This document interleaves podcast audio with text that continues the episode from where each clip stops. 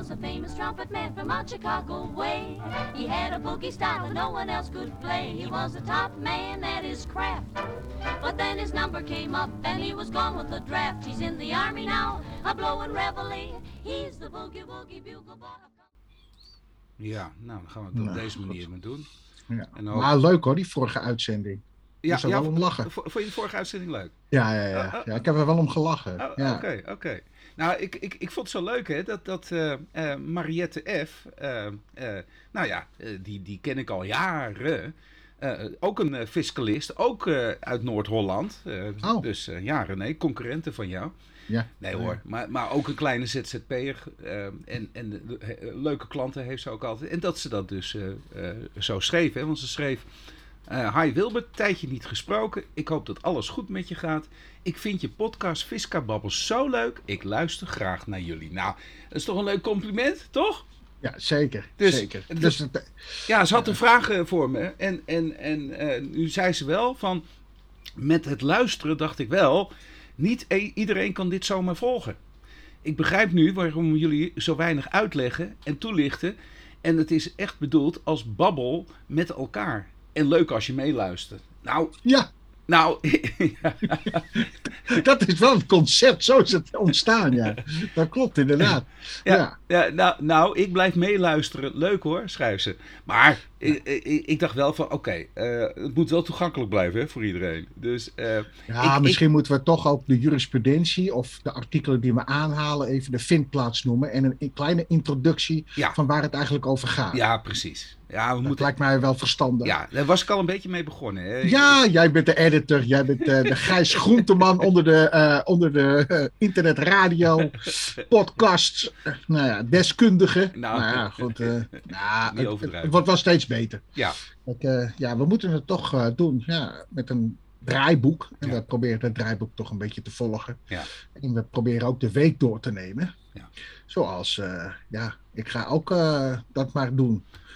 Nou, jij, jij had een aantal verzoeknummertjes ingediend. Ehm, Ja, kijk maar, eh, Geen- jij als eh, editor, jij weet ongeveer wel eh, waar het over- ongeveer over gaat. Oké, nou ja, laten we dan eerst even beginnen met het algemene. Eh, en de politiek natuurlijk, nu we het toch over de politiek hebben. En, en dat, dat was dit stukje van wat je had ingestuurd. Kabinet wil vermogensongelijkheid verkleinen. En Ja. dat is, nou ja, even, even eh, het stuk erbij halen. Het is een brief en dat is van eh, nou, onze lieftallige mevrouw Kaag. Ja, de minister van Financiën. die schrijft ze aan de Tweede Kamer. Het is een brief van 10 juli 2022. En de titel is Kabinetsreactie op CPB-onderzoek Ongelijkheid en Herverdeling. En eh, nou, het is een briefje van nou, drie vierkantjes. Eh, sorry, zes, Nee, zeven. zeven. Zes, zeven kantjes. Maar ja, er zit een heleboel... Ja, met grafiekjes, met zitten grafiekjes bij, dus dat is geen tekst natuurlijk. Hè. En dan is geen tekst. denk ik altijd, oh, wat, wat, wat ingewikkelde grafiekjes zitten erbij met PO, P10, P10, P20. Maar dat eh, ga jij mij allemaal uitleggen. Nou, dat, da- daar ging het mij niet om. Oh, Het ging mij erom dat wij nu een eh, kabinet hebben van eh, de partijen ChristenUnie, VVD, D66 en CDA. een merkwaardige volgorde, maar oké. eh. Ik begin altijd met de kleinste. En, Oh, en verder, en ver- en verder naar willekeur. oh, ik, ik wou zeggen daarna de opvolgende eh, qua grootte, maar dat is niet zo. Nee, nee, nee. Gewoon qua willekeur. Maar waar het mij om gaat is, als je de kop van, dit, eh, van deze brief leest, ongelijkheid en herverdeling, Ja. dan had dit ook van een willekeurig linkskabinet kunnen zijn. Ja. Ja. En dat vind ik toch wel frappant. Ja. En eh, kijk, ik begrijp best wel dat er, voor wat betreft de tekorten die zijn ontstaan, bijvoorbeeld in box 3, Ja. dat het uitgangspunt is om ook die funding weer uit box 3 te halen. Ja. Dat begrijp ik. Ja. Maar hier gaat het om iets heel anders. Hier gaat het om ongelijkheid en herverdeling. En waar, wat ik dus mis, wat is er dan ongelijk? En wat moet dan specifiek worden herverdeeld? En je ziet dus dat het niet alleen betreft vermogen, wat moet worden, nee, niet alleen inkomen wat moet worden herverdeeld, maar nu ook vermogen wat moet worden herverdeeld. Ja. En dat is toch best wel vreemd van een, nou ja, laat ik het zo zeggen, medium rechts kabinet. Ja. En dat, eh, ja, en dat verbaast mij gewoon. Ja. En, hoe, eh, en hoe gaat men dat herverdelen? En dat gaat men herverdelen door middel van eh, inkomenspolitiek voeren en eh, eh, progressieve belastingheffing weer in te voeren, zoals dat vroeger ook eh, eh, ging. Ik weet niet of je dat nog kunt herinneren, maar jij bent mogelijk wel van die tijd uit 1990 dat we nog tarieven hadden dat liep op tot, wat is het, bijna 80% Inkomstenbelasting. Nou, liep niet op. Er zat een cap in op 80%, toch? Eh, het kon zelfs, 80%. nee, het kon zelfs hoger uitvallen. Ja, het kon zelfs hoger uitkomen. kon zelfs goed, hoger eh, uitvallen. En dan was er een, een bijzondere maatregel die zei: ja, maar het mag maximaal 80% 80 worden. zijn, precies. Ja, Ja. ja, ja. Ja, en, ja, en we zijn hard op weg hoor. Eh, Ik heb het de vorige keer al verteld over die, over die dividendbelasting, waar ineens ook tariefverschillen in voorkomen. Wat totaal eigenlijk, ja, ik moet zeggen, dat vind ik niet gepast, omdat het al eens een keer belast is, hè, als je daarvan uitgaat. Nee, maar nu gaat men ook inkomenspolitiek voeren op eigenlijk vermogen. En, eh, want dividend volgt uit aandelen en aandelen is vermogen. Dus je gaat inkomenspolitiek voeren op vermogen. Nou, dat vind ik toch wel een eh, bijzondere stap voor een rechtskabinet. Ja, waar kan je dan nog op stemmen? Hè? Ja. Vraag ik me dan af. Eh, kijk, en dan krijg je de technische verhandeling. Maar eigenlijk waar het op neerkomt is inkomenspolitiek voeren op vermogen. Ja. en daar heb ik wel wat moeite mee. Ja. Ja, dat, dat is vooral dat. eh, nou, die laatste pagina's eh, zie ik dan ook een beetje hè, daar, daarin. Maar even, even wat er nog meer in staat. En, en dan denk ik ook. eh, nou ja, oké, het is mevrouw Kaag die heeft dit geschreven. Eh, ik neem aan dat de ambtenaren. Dat hoop ik wel voor haar. Ik hoop voor haar dat ambtenaren van haar dat geschreven hebben. Ja, dat hoop ik voor Eh, haar. Ja. dan, dan begrijp ik dit ook nog wel weer. Nou, ook nee, ik begrijp het überhaupt niet. Want hier komt weer die onzin. Hè, met een kopje belastingen om gedrag te beïnvloeden. Ja, En het is een ik- paradepaadje voor, van jou. Dat klopt inderdaad. Ik word Ja. hier zo ontzettend moe van. Hè? Dus men heeft nog steeds op het ministerie de gedachte dat de maatschappij maakbaar is. Dat op het moment dat je zegt: hé, hey, ik geef u eh, eh, zoveel extra belasting, dat meteen de burger in de houding springt en zegt dan: oh, dit is dus onwenselijk gedrag, dan ga ik wat anders doen. En dat is gewoonweg niet zo. En dat is al eeuwen, nou een beetje overdreven, maar dat is al heel lang is dit elke keer maar weer. eh, de politiek denkt dat als je een belasting ergens op verhoogt, dat mensen daar minder gebruik van gaan maken. En dat is niet zo. En, en, ik, en ze eh, blijven het maar, maar, maar, maar zeggen. Productief, eh, producten en diensten die negatieve effecten hebben, worden op deze manier ontmoedigd. Een voorbeeld hiervan zijn de accijnzen op fossiele brandstof, tabak en alcohol. Door de prijs hiervan te verhogen zal het gebruik afnemen. Ze geloven het, ze blijven het maar geloven dat het mogelijk is. Nou, die En brandstoffen. Ja, Wilbert, ik moet toch even inbreken. Maar Ja. die brandstoffen, Ja. als dat dus 2,50 Ja. blijft per liter. Ik merk toch dat het wat rustiger wordt op de weg hoor. Ja nee, nee, natuurlijk. Mensen kunnen het gewoon niet meer betalen. Ja, dat begrijp ik Dat ook. is, wel. Nee, is, dat is dat wel van klopt. invloed. Het klopt. Ja, tuurlijk, tuurlijk. Op het moment dat je ervoor zorgt dat mensen het niet meer kunnen betalen, gewoon omdat het gewoon onmogelijk wordt, ja, dan heb je dat inderdaad. Dus inderdaad, als een sigaar. We hadden het eh, twee weken terug over met, Ja. met eh, Moerad, weet je nog? Die zat een lekkere sigaar te paffen. Van, eh, hij was geloof ik eh, eh, 18 euro. Dat vond ik ook wel heel duur hoor voor een sigaar, maar oké. En die zou 47 euro. Of was dat een pakje sigaretten? Dat zou Maar een pakje 47 sigaretten, ja. maar ook die sigaar van Moeren, die, die zou dan zo duur gaan worden. Ja, dan, dan begrijp ik ook wel. Ja, dan pas gaat het effect hebben. Maar ja, René, eh, gaan we dat zo met alcohol ook doen? Ik bedoel, dan gaat iedereen. ja, naar- dat denk ik wel. oh, dan Dat gaat iedereen naar de drugs over, joh. Nou, kijk, en daar wil ik nog even op aanvullen. Ik heb, laatst heb ik een artikel gelezen Ja. over Zweden. Ja. Een- Toch wel een, eh, voor veel eh, socialisten de heilstaat van eh, socialisme. Ja. Maar daar hebben ze een restrictief alcoholbeleid, Ja. tabaksbeleid. Ja. Maar het gekke is, in Stockholm zijn de meeste drugsverslaafden. Ja. Die hebben een verslavingszorg Ja. onuit, ja, die is groot, die is te groot. Ja. En, voor, en dat had eigenlijk niet gekund. Maar ze kunnen niet. En, en drugshandel overigens ook. Hè. Heel veel drugshandel in, eh, in, eh, in Stockholm, in grote steden. Ja. En dat is toch als alternatief voor het alcoholgebruik. Ja. En overigens, alcohol wordt nog steeds genuttigd. Of het wordt zelf gebrouwen.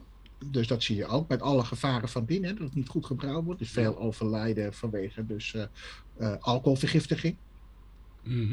Uh, of uh, men zoekt de heil in drugs. Want namelijk, men wil toch die kennelijk diezelfde euforie ervaren. Ja. Dat je dus hebt als je alcohol drinkt, dan wel drugs gebruikt. Ja. Dus dat, dat, dat zie je terug. Ja. En ik begrijp niet, en dat zijn al veel mensen die dat hebben gezegd, waaronder een uh, wat nieuwe huizen. Ja. Van, joh, als jij dus nu gedrag gaat beïnvloeden, dat gaat niet zo. Nee. Want namelijk ook voor tabak en alcohol geldt, als het wordt drooggelegd, kijk maar naar Amerika, dan, het, dan wordt het illegaal en dan gaat men over de grens halen. Ja. En dat zie je nu ook met benzine. Ja. Je ziet grote wachtrijen voor benzinestations. Ja. En ja, we hebben er zo de mond vol van Europa. En, nou Europa dit, Europa zus. Ja, goed, maar het werkt dus niet hier. Nou ja, maar, maar, maar dat niet alleen. Hier zit ook weer dat uh, belerende vingertje natuurlijk in van... Uh, Gij zult geen alcohol gebruiken, gij zult geen tabak gebruiken, gij, gij zult geen fossiele brandstoffen gebruiken. Maar- nou, eh, lekker. Ik bedoel, ik word, ik word eh, behoorlijk in mijn vrijheid eh, steeds meer beknot. Ja. Ja, en, en Ik kan het er alleen maar mee eens zijn, eh, Wilbert. Ja. Dat, eh, Ja, ja. Ja. nou, ik, ik, nou ja. Oké, hey, we, we gaan naar een ander onderwerp. Ehm, ik, ik, ik pak even eh, ja, eh, iets heel anders erbij. Wacht even hoor. Eh, de- deze hebben we dan gehad. Eh, een niet kwalificerende nederbeller. Dat is een heel ander, ander onderwerp. Die kan toch hypotheekrente aftrekken. Die, die heb jij ingebracht. Ja, die heb ik ingebracht. Het is toch iets voor de internationale eh, tak. Het is een Ja. eh, uitspraak van uh, Hof uh, van 18 mei 2022. Ja. En de case was als volgt. In België Hey, even een nummer noteren, want dan kunnen de luisteraars het vinden. Eén- Nummer 21 Ja. slash 00228 Ja, voor de liefhebber. Ja. En het betreft een in België wonende belanghebbende die aanspraak wenst te maken op aftrek van negatieve inkomsten van in België gelegen eigen woning. Ja. En een belanghebbende is geen kwalificerende buitenlands belastingplichtige in de zin van 7.8 lid 6 wet IB 2001. Maar belanghebbende verdient wel 90% of meer van zijn wereldinkomen buiten de woonstaat. Ja.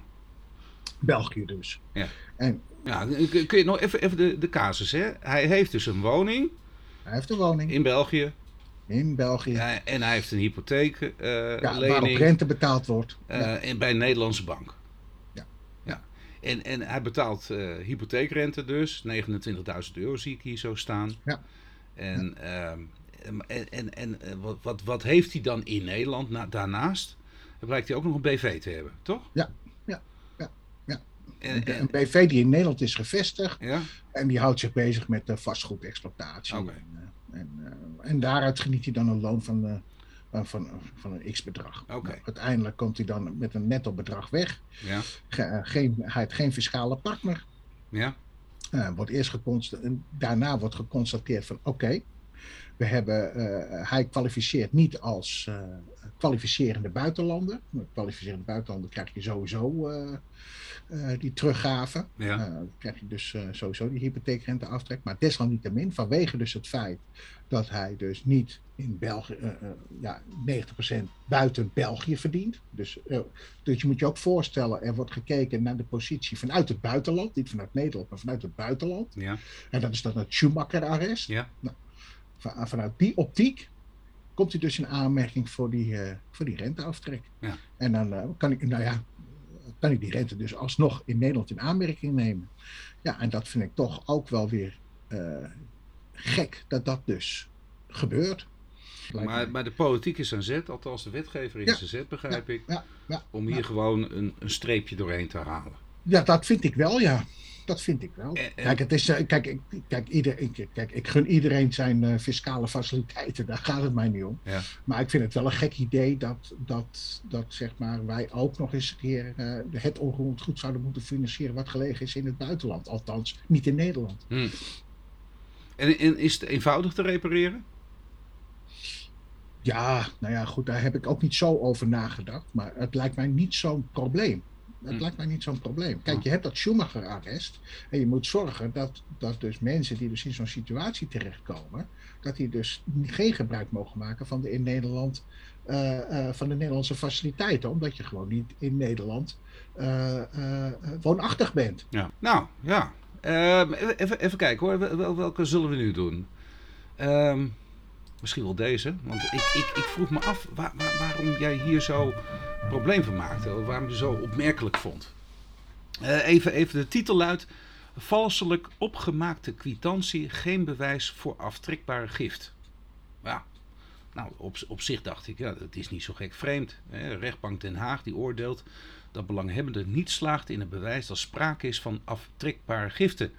Want hij komt namelijk met een valselijk opgemaakte kwitantie. Althans, zo kwam het op mij over, laat ik het zo zeggen. Ja, ja. Nee, maar wat ik probeer te vertellen, is dat men toch geprobeerd heeft via valsheid van in, eh, in geschriften, Ja. want dat is het eigenlijk, toch gaat procederen. Dat vind ik toch wel opmerkelijk. Oké, oh, oké, de belanghebbende. Jij, jij zegt Ja. van hoe durf je Hoe durf je? om Ja, hierover te procederen? ja, ja, dus kennelijk is het toch bekend dat je dus valselijk opgemaakte kwitanties Ja, eh, ja, ja. hebt gemaakt. En je gaat daar nog eens een keer over procederen ook. Dat is toch lef hebben, of niet? En dan vervolgens krijg je toch wat je wil, want je boete wordt verminderd. Nou, inkomstenbelasting. eh, eh, als, je, als je de casus leest, trouwens, moet natuurlijk even voor de luisteraar. Hebben, we- hebben we dat nee, hebben we nog niet gedaan? hè? Oh, Het is een rechtbank Den Haag, rechtbank- 10 maart. 2022. Ja, AWB Ja, nu- 19 eh, en dan is het 1323. Hey, eh, eh, belastingrente is niet discriminator. Dat, eh, Ja, kijk, het gaat, het gaat- eh, wa- waar- waarom ik deze heb uitgezocht. Het gaat natuurlijk weer om een bedrag van 38 euro aan. eh, je hoeft die uitspraak even niet eh, te, Oh, op te roepen hoor. oh, eh, ik doe het net. ja, document niet gevonden zelfs. Nou, kijk eens aan. Dus dat, zie je maar weer. Ja, Nou, maar kijk, waar het hier om gaat, dat is dat, is dat iemand die gaat toch weer voor 38 euro belastingrente ja, een beroep doen op de, eh, op, de, op de rechterlijke macht. Het loopt zelfs tot het Hof Arnhem-Leeuwarden. Mm, Eh, met, met, eh, met, ja, het, is, het gaat over eh, eh, belastingrente. Eh, Ja. Het stelt in hoger beroep dat het renteloos uitlenen van geld aan banken geen vrijgevig is van, is van de staat. Want namelijk dat gebruikt deze belastingplichtige in zijn motivering. Waarom eh, om, als vergelijking van de staat versus banken, dat de banken op dit moment ook geen rente eh, geven op dit soort leningen. Ja. En, waardoor, en waarom hij dan wel rente in rekening wordt gebracht. Ja. Nou, en goed, en dat is natuurlijk ja, kansloos mogelijk. Ja. Maar, eh, eh, maar toch wordt hierover geprocedeerd. Hè? Dat is, en, en ja, ik denk nogmaals, als ik terugga naar de vorige uitzending, ja, maar aflevering. dat ging meer om, om kostenvergoedingen natuurlijk. Ja, maar ook met dit, als je het belang afhankelijk stelt van de uitkomst, Ja. dan ga je ook niet meer procederen. Dan ga je niet meer procederen. Ja. Dat, dat meen ik echt serieus. En principe kwesties, eh, nou ja, weet je, misschien moet je daar toch ook een cap in zetten. Weet je wel, van bedragen onder de 100 euro of zo, dan moet je maar niet, ja, of 50 euro moet je maar niet over procederen. Een soort wet Mulder-achtige eh, Nou ja. aanpak. Waarom? Ja, kijk, als je. Want ik heb laatst gelezen in een artikel, en dat, dat volgt eigenlijk hierop, dat ve- 1500 recht, eh, ja, zaken die dus bij de, ho bij de recht, rechtbank en hoven liggen, Ja. dat die niet worden behandeld vanwege onderbezetting. Ja. En hier wordt dan wel aandacht aan besteed. Ja. Ja, we moeten toch ergens keuzes in maken. Ja. En misschien dat er zwaardere zaken nu ja, gewoon van tafel verdwijnen. Terwijl die misschien nog best wel interessanter zijn dan deze 38 euro. Ja. Dus dat wil ik even aangeven. Of is dat een eh, Nou, ik, vind- ik, gekke... gekke... als, als jurist heb ik daar toch altijd wel wat problemen mee. Want ja, het zou niet mogen uitmaken natuurlijk hoe hoog het bedrag is. Als het niet goed is, is het niet goed. Alleen de- Ja, maar daarom moet je ook de wet daarop aanpassen, zeg ik ook. Hè? ja, maar kijk, ik, Kijk, ik, ik zou zelf ook procederen hoor, hierover. Als, als klant zegt van joh, ja, ik, ik- eh, het is een principe kwestie. Ja, Ja. het kan. Ja, nou, ik, ik vind, eh, ik bedoel, de rechtsbescherming van, van eh, de belastingplichtig vind ik heel erg belangrijk. En eh, ik ben zo bang dat, dat je hiermee de burger gewoon monddood maakt. Ook al gaat het om kleine principiële zaken. Ik vind dat het moet de, de, de gang naar nou, de maar, recht- dat is de, maar dat is de andere kant van het verhaal. Ja. Maar ja, zeg maar, om de staat nu te vergelijken met banken, dat vind ik toch ook wel weer een. eh, Nee, nee. Ja. Nou ja, ook, ja, kijk. Als het maar niet om die eh, belachelijke proceskostenvergoeding gaat, hè, de regeling die we nu hebben, want daar ligt de oorzaak, toch? mhm, René? Want Jazeker. het kan Ja. best zo zijn dat deze meneer echt, echt verbolgen is over die 38 euro. En, Ja. en dan vind ik dat zo'n principiële zaak moet dan voorgelegd kunnen worden aan de rechter. Het mag niet zo zijn dat het niet op, eigenlijk om die 38 euro gaat, maar om de proceskostenvergoeding. Die ook nog eens een keertje in het Ja, daar heb ik, daar, dat heb ik niet gelezen hoor, uit deze Nee, uitspraak. daarom. Daarom. Da- en, en daarom zeg ik van, ik vind eigenlijk dat bij dit soort principiële zaken juist de gang naar de rechter eh, niet mag worden, mag worden geblokkeerd. En, en dat gebeurt natuurlijk ook niet helemaal onder de wet Mulder, maar toch, dat is wel de bedoeling natuurlijk van, van, dit, eh, van, van, van die wet. Maar oké, Ja. ehm, wat, wat, wat, wat zou jij hier nogmaals aan willen doen? Bijvoorbeeld een cap doen van 100 euro en beneden 100 euro? Nou, dat vond ik eigenlijk ook best wel hoog, want eh, dan, dat haalt die principe kwesties ook wel eh, Ja. eh, onderuit. Ja. Maar in ieder geval, ja, weet je, we hebben het gehad over eh, 49 cent parkeerbelasting, of Ja, ja. 49 cent, eh, eh, eh, 20 euro, wat, wat, dan wel weer een tegemoetkoming was. Ja. Ja, nou ja, goed. Ja, 38 euro. Ja, en dan eh, immateriële schadevergoeding en proceskostenvergoeding. Precies. Maar nogmaals, precies. dan gaat het om die proceskostenvergoeding en die immateriële schadevergoeding. Ja, ja, En, ja. en als je daar nou wat reëler mee omgaat en ook bij de zaken die wel veel hebben gekost, ook toestaat dat die zaken die veel gekost hebben volledig worden vergoed. Hè, want dan ben je ook eerlijk bezig. Ja, nou ja, dan, dan heb ik dat veel, veel liever dan dat je zegt ik ga, ga de, de, de weg naar de rechter blokkeren. Het renteloos lenen aan banken. Hè? Dus, dus een vergelijking van, nou, omdat eh, de staat renteloos lening aan banken heeft verstrekt, hoef ik ook geen rente te hebben. Dat is eigenlijk de motivering. Ja, Dus- nee, het slaat nergens op en dat weten we ook. En ook nog eens een keer in hoger beroep. Hè? Dus het is, Kijk, en, maar er zit natuurlijk wel ook weer een pijnpunt in. Dat ook weer hier dat die rentevergoeding, dat die totaal niet de werkelijke rente eh, volgt. vertegenwoordigd. Ja, maar- Hè, dus dus ja, dat zou natuurlijk ook eigenlijk moeten plaatsvinden. Ja. Dus, Ja, eh, Kijk, ik, ik moet eerlijk zeggen dat ook in die rente, die belastingrente, daar zit gewoon ook een heel vervelend dingetje. Want, je, want namelijk de staat, die, krijgt, die vordert wel van belastingplichtige belastingrente in bepaalde situaties. Maar je hebt bijvoorbeeld in het kader van navordering of, eh, of verliesverrekening of een correctie op verliesverrekening. In, eh, ja, is, is het mogelijk dat je eigenlijk wel in aanmerking zou kunnen komen voor rente? Ja. een vergoede rente Ja. wel te verstaan, want namelijk je krijgt geld terug. Terwijl de, omdat de staat te traag handelt, maar de wet luidt van dat je geen rente in eh, vergoed krijgt, Ja. dat je toch wordt benadeeld. Ja. Nou, zo'n zaak zou ik dan wel weer principiëler eh, vinden. Want namelijk die gelijkheid, weet je, eh, dat heb ik altijd wel. Voorheen was dat altijd wel zo. Ja. Dat rentevergoeding en rente betalen, dat dat in evenwicht was. Ja. Maar dat is nu niet meer zo. Nee. Ja. En daar vind ik dat daar wel wat van mag, mag worden gezegd. Maar dat is dus ook vanwege die oneerlijkheid tussen in die belastingregels zelf. Ja. Dus, eh, hè? Maar ja, dit eh, om, zeg maar eh, de staat die dan aan banken geld leent renteloos, om dat te vergelijken met een belastingplichtige. Ja, dat vind ik ook wel ver qua motivering. Ja. Maar inderdaad, je hebt wel een punt. Ja, waar leg je dan weer de grens? Dat is ook weer zo arbitrair. En ik heb ook, wat dat daar gaat, wel wat moeite met forfaits en dergelijke. Ja, Dus ook. daar, dat deel ik wel met jou. Dat deel ik wel met jou. Dat deel ik wel met jou. Maar ik vind ook dat in dit soort situaties. Ik moet dan denken aan mijn eerste kwestie, waar ik ooit eens een keer over geprocedeerd eh, heb. En daar werd ik ook als gek uitgemaakt. Want toen ik jong was, dacht ik van, ik kan niet overlijden. Ja. Dus ik wil geen premies volksverzekeringen betalen. Want namelijk, ik zie er toch nooit wat van terug. Een kansloze exercitie natuurlijk. Ja, Maar ik was nog niet eens afgestudeerd. Ik denk, nou, probeer het gewoon. Want namelijk heb ik net al meer over. Want ik vond het best wel een eh, bedrag. Als je, als je niet zoveel verdient. Ja, ja. Ja. Maar, nou moet ik dat betalen. Ja, maar het is voor later solidariteit en dergelijke. Nou ja, ik wil helemaal geen solidariteit. Ik wil dat helemaal niet. Ja. Ik, ik, ik maak er ook geen aanspraak op. Dus Nou ja, goed. Maar uh, ja, dat werd natuurlijk afgeschoten tot de met. En dat was mijn lesje wel hoor. Ja. Dat was mijn lesje wel. Ja. Dus ik denk van nou, dan ga ik niet meer, uh, zeg maar, met dit soort zaken naar de rechtbank. Dat ga ik niet meer doen.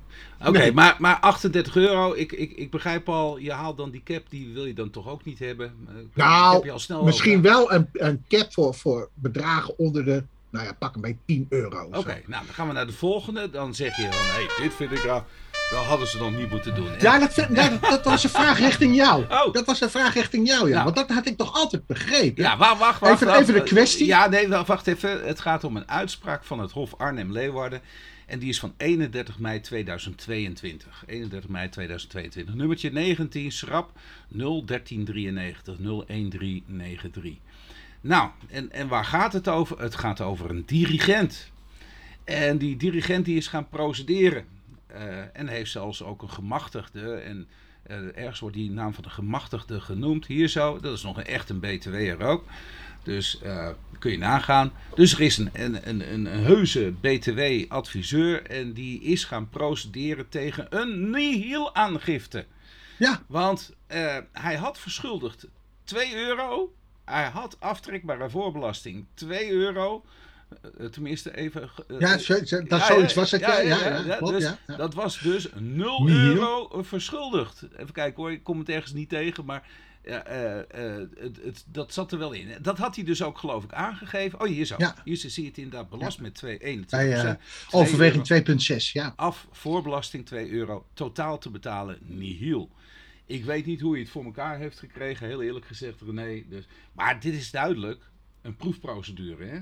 Ja. Eh, en ik, ik, ik, Maar ik had altijd begrepen... Had, Nee, maar wacht al- even. Wacht, wacht even. Dus nu eh, is het probleem. Waar kun je tegen bezwaar maken? Waar kun je tegen in beroep? En, en Ja. René, dat is, je maakt niet bezwaar tegen een aangifte. Nee, je maakt bezwaar tegen de voldoening op aangifte. Dus je hebt wat te Ja, betalen. tuurlijk. Ja, en eh, als je hebt je aangifte ingediend, je hebt wat te betalen en dan voldoe je op aangifte. En als je daar niet mee eens bent, dan kun je er binnen zes weken tegen in bezwaar.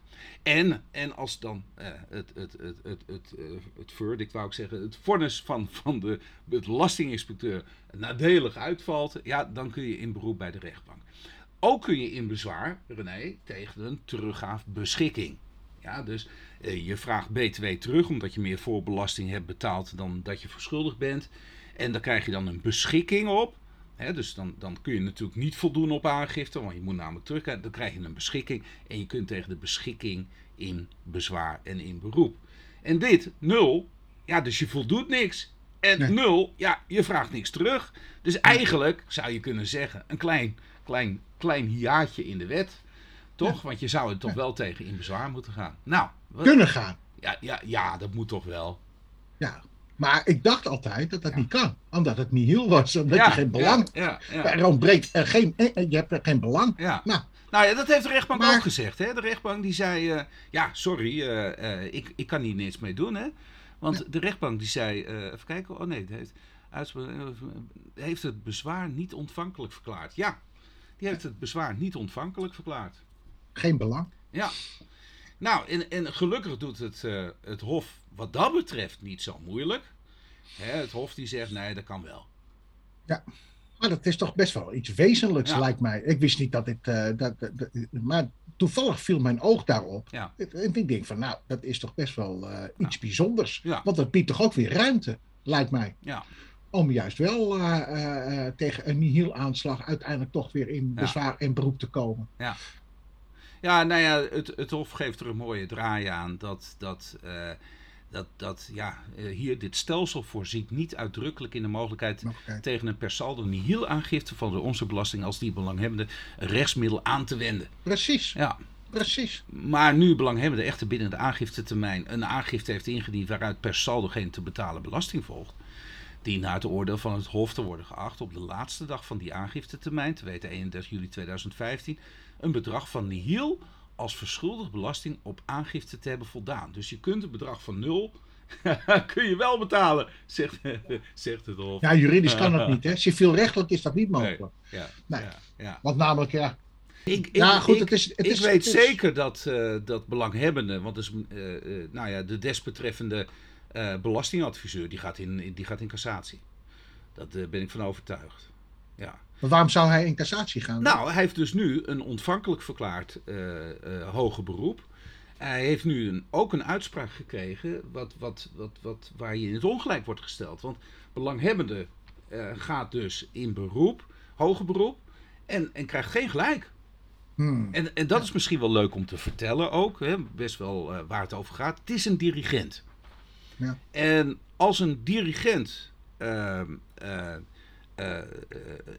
gaat optreden met een koor, ja, dan is zo'n optreden van zo'n dirigent dat heeft, dat heeft de rechtbank Hof, heeft het, als in het ver verleden, heeft hij dat uitgemaakt. Dat valt dan onder het lage btw-tarief van uitvoerende kunstenaars. Dus ze hebben gezegd, een dirigent die is zo artistiek bezig, dat is een uitvoerend kunstenaar. En um, ja, maar, maar zei toen de inspecteur, maar dat geldt dan toch niet voor de repetities, want dan moet je wel als kunstenaar uitvoeren. Nou, zei het Hof, dan moet je natuurlijk ook voor repeteren. Dus het repeteren en de uitvoering, dan is het een uitvoerend kunstenaar. Waar gaat deze zaak echter over? Die gaat over iets anders. Deze dirigent, die organiseert groot koren. En sorry René, ik, je weet het, ik ben een cultuurbarbaar, toch? Dat roep ik elke woensdagavond, toch? Nou, ik, ik, ik, sluit me daarmee aan. Oh, je beaamt het meteen natuurlijk. Nee, maar ook, maar ook dat ik ook een cultuurbarbaar ben. Oh, okay. ik, ik, ben er allemaal niks van. Wij, wij zijn twee cultuurbarbaren in dat culturele clubje waar we dan in zitten. En, en uh, ik had nog nooit van een groot koor gehoord, wist ik wel dat die bestonden. Ja. Dus ik ben eens gaan googelen vandaag. Wat, wat is dat nou, een groot koor? Hoeveel mensen doen er aan mee? En wat doet hij? Hij organiseert dus die grootkoren. Dus hij organiseert het. Hij organiseert ook een optreden. En de deelnemers aan het koor, ja, die moeten repeteren, die, nou, die, die krijgen ook de nodige begeleiding daarin. Die moeten ieder 55 euro moeten ze betalen. Ja, dus hier wordt 55 euro door een groot koor deelnemer wordt er betaald voor dat hele project. Nou, en nu ontstaat de vraag: valt die 55 euro nu te beschouwen als een, een, een, een, een vergoeding voor een uitvoerend kunstenaar? En daarvan zegt nu de inspecteur: nee, dat is niet zo. Nee, jij bent aan het organiseren ten behoeve van de deelnemers aan het koor. Ja? En dat is een totaalprestatie, ja, een totaalpakket. Dat bestaat uit een koorboek met bladmuziek, een aantal intensieve zangtrainingen, een deelname aan het optreden van het grootkoor en de begeleiding door de dirigent en door andere muzikanten. Nou, dan zul je zeggen: Goh, waar gaat het over? René, je wil het niet weten. Als je de website ziet van iemand, nou en misschien is dat wel belanghebbende in dit geval, die een groot koor dus organiseert. Dat zijn wel 100 tot 200. Uh, dat was nog in Drenthe, want hij heeft hij nog meerdere grootkoren organiseert hij ook nog. Eens een keer die gaan optreden. Er staan wel 200 man op de bühne, joh. En dat is een hele. Met zo'n groot koor. Ja. En, en dat is alleen Drenthe. Maar dan hebben ze ook nog in andere delen van 200. het land. Dan zijn ze nog veel groter, die koren. Ik kon ze niet eens meer tellen. 200. Man, ik zag ze daar het hele. hele he, nou, als je dat nou 55 euro doet. En inmiddels is het 60 euro, zag ik op de website.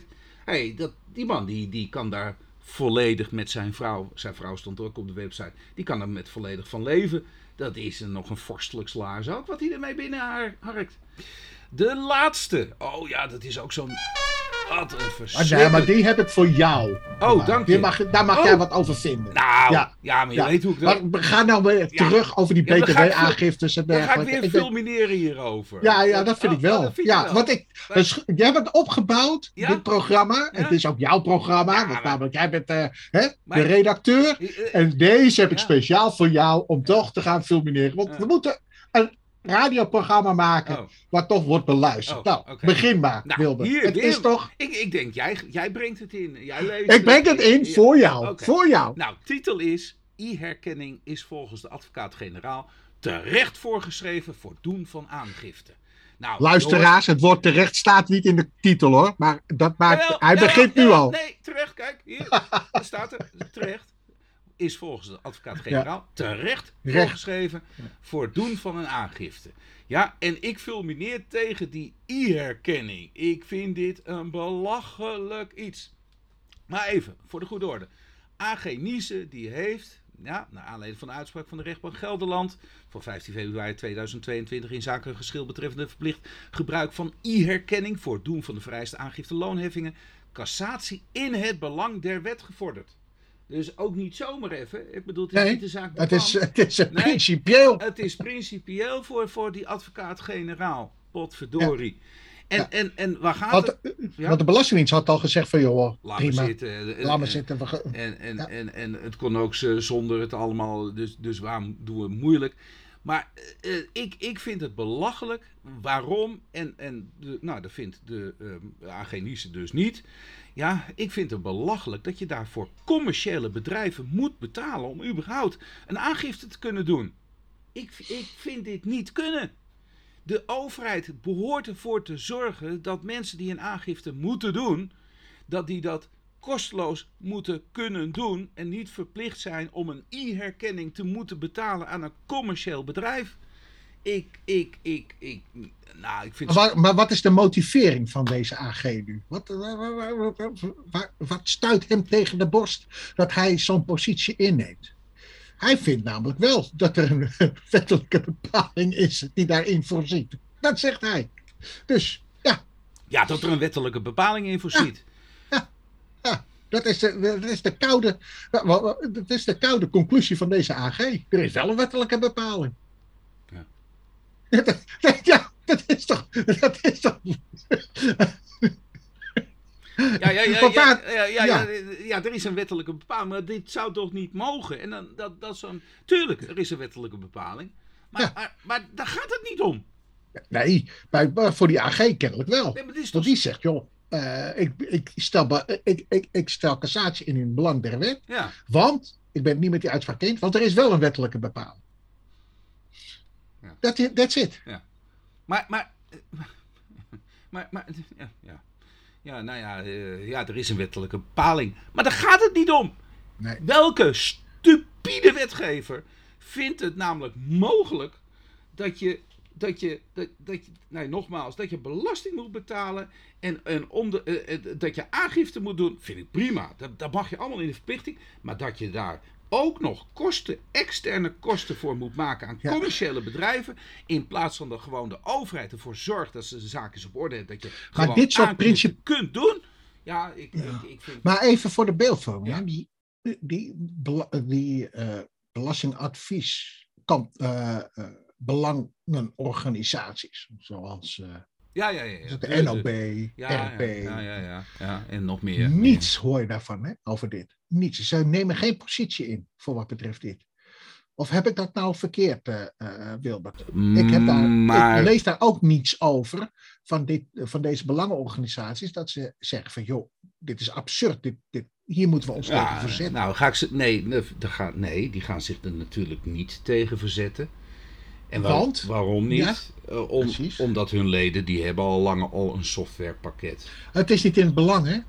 Ja, het is niet Precies. in hun belang om daar opmerkingen over te maken. Eh, Kijk, wie, wie je er wel eh, over zou moeten horen, is natuurlijk de nationale ombudsman. Onder andere, ja. Die zou dan ook ambtshalve hierop moeten reageren, lijkt mij. Maar ja, dat doet hij Als, waarschijnlijk ook a- niet. als de nationale ombudsman als achtergrond hebt ter bescherming van eh, een grotere macht eh, en overheidshandelen, waardoor eh, burgers benadeeld worden, ja, dan mogen zij wel eh, wat van, van vinden, ja. hey, we moeten gaan afronden. Nou, nog, even, eh, eh, nog even over een luisteraar. Eh, eh, eh, David J. Nou, die is al eerder in de uitzending genoemd. Hè. Eh, eh, die had, was met name over die parkeerbelasting. En eh, hij denkt ook, laat ik eens even inderdaad recalcitrant zijn. Ik ga even lekker in, in Zaandam fout parkeren. En heeft hij de boete gehad En hij aanslag? heeft de boete gekregen, ja. Ja, lekker man. Dus hij heeft de tweejaarstermijn, eh, twee jaar, hoor mij, twee uurstermijn he- heeft hij overschreden. Hij heeft een boete gekregen en hij zegt nu, of hij zei nu tegen mij, kun je me even die arresten van de Hoge Raad toesturen? Nou, dat heb ik gedaan. Ik heb hem meteen de tippen bijgegeven. Laat ons nou inderdaad dat bezwaarschrift indienen. krijg je ook nog een proceskostenvergoeding. Wij zeggen het ene in het programma, maar doen het ander. Ja, ja, Ja, ja. maar ja, die gemeente, die, die gaat Ja, gewoon door. ja, die, ga, ja maar die Dus- gaat ook nat, hè? Die Eh, gaat ook nat. Ja, Het is ook wel weer jammer.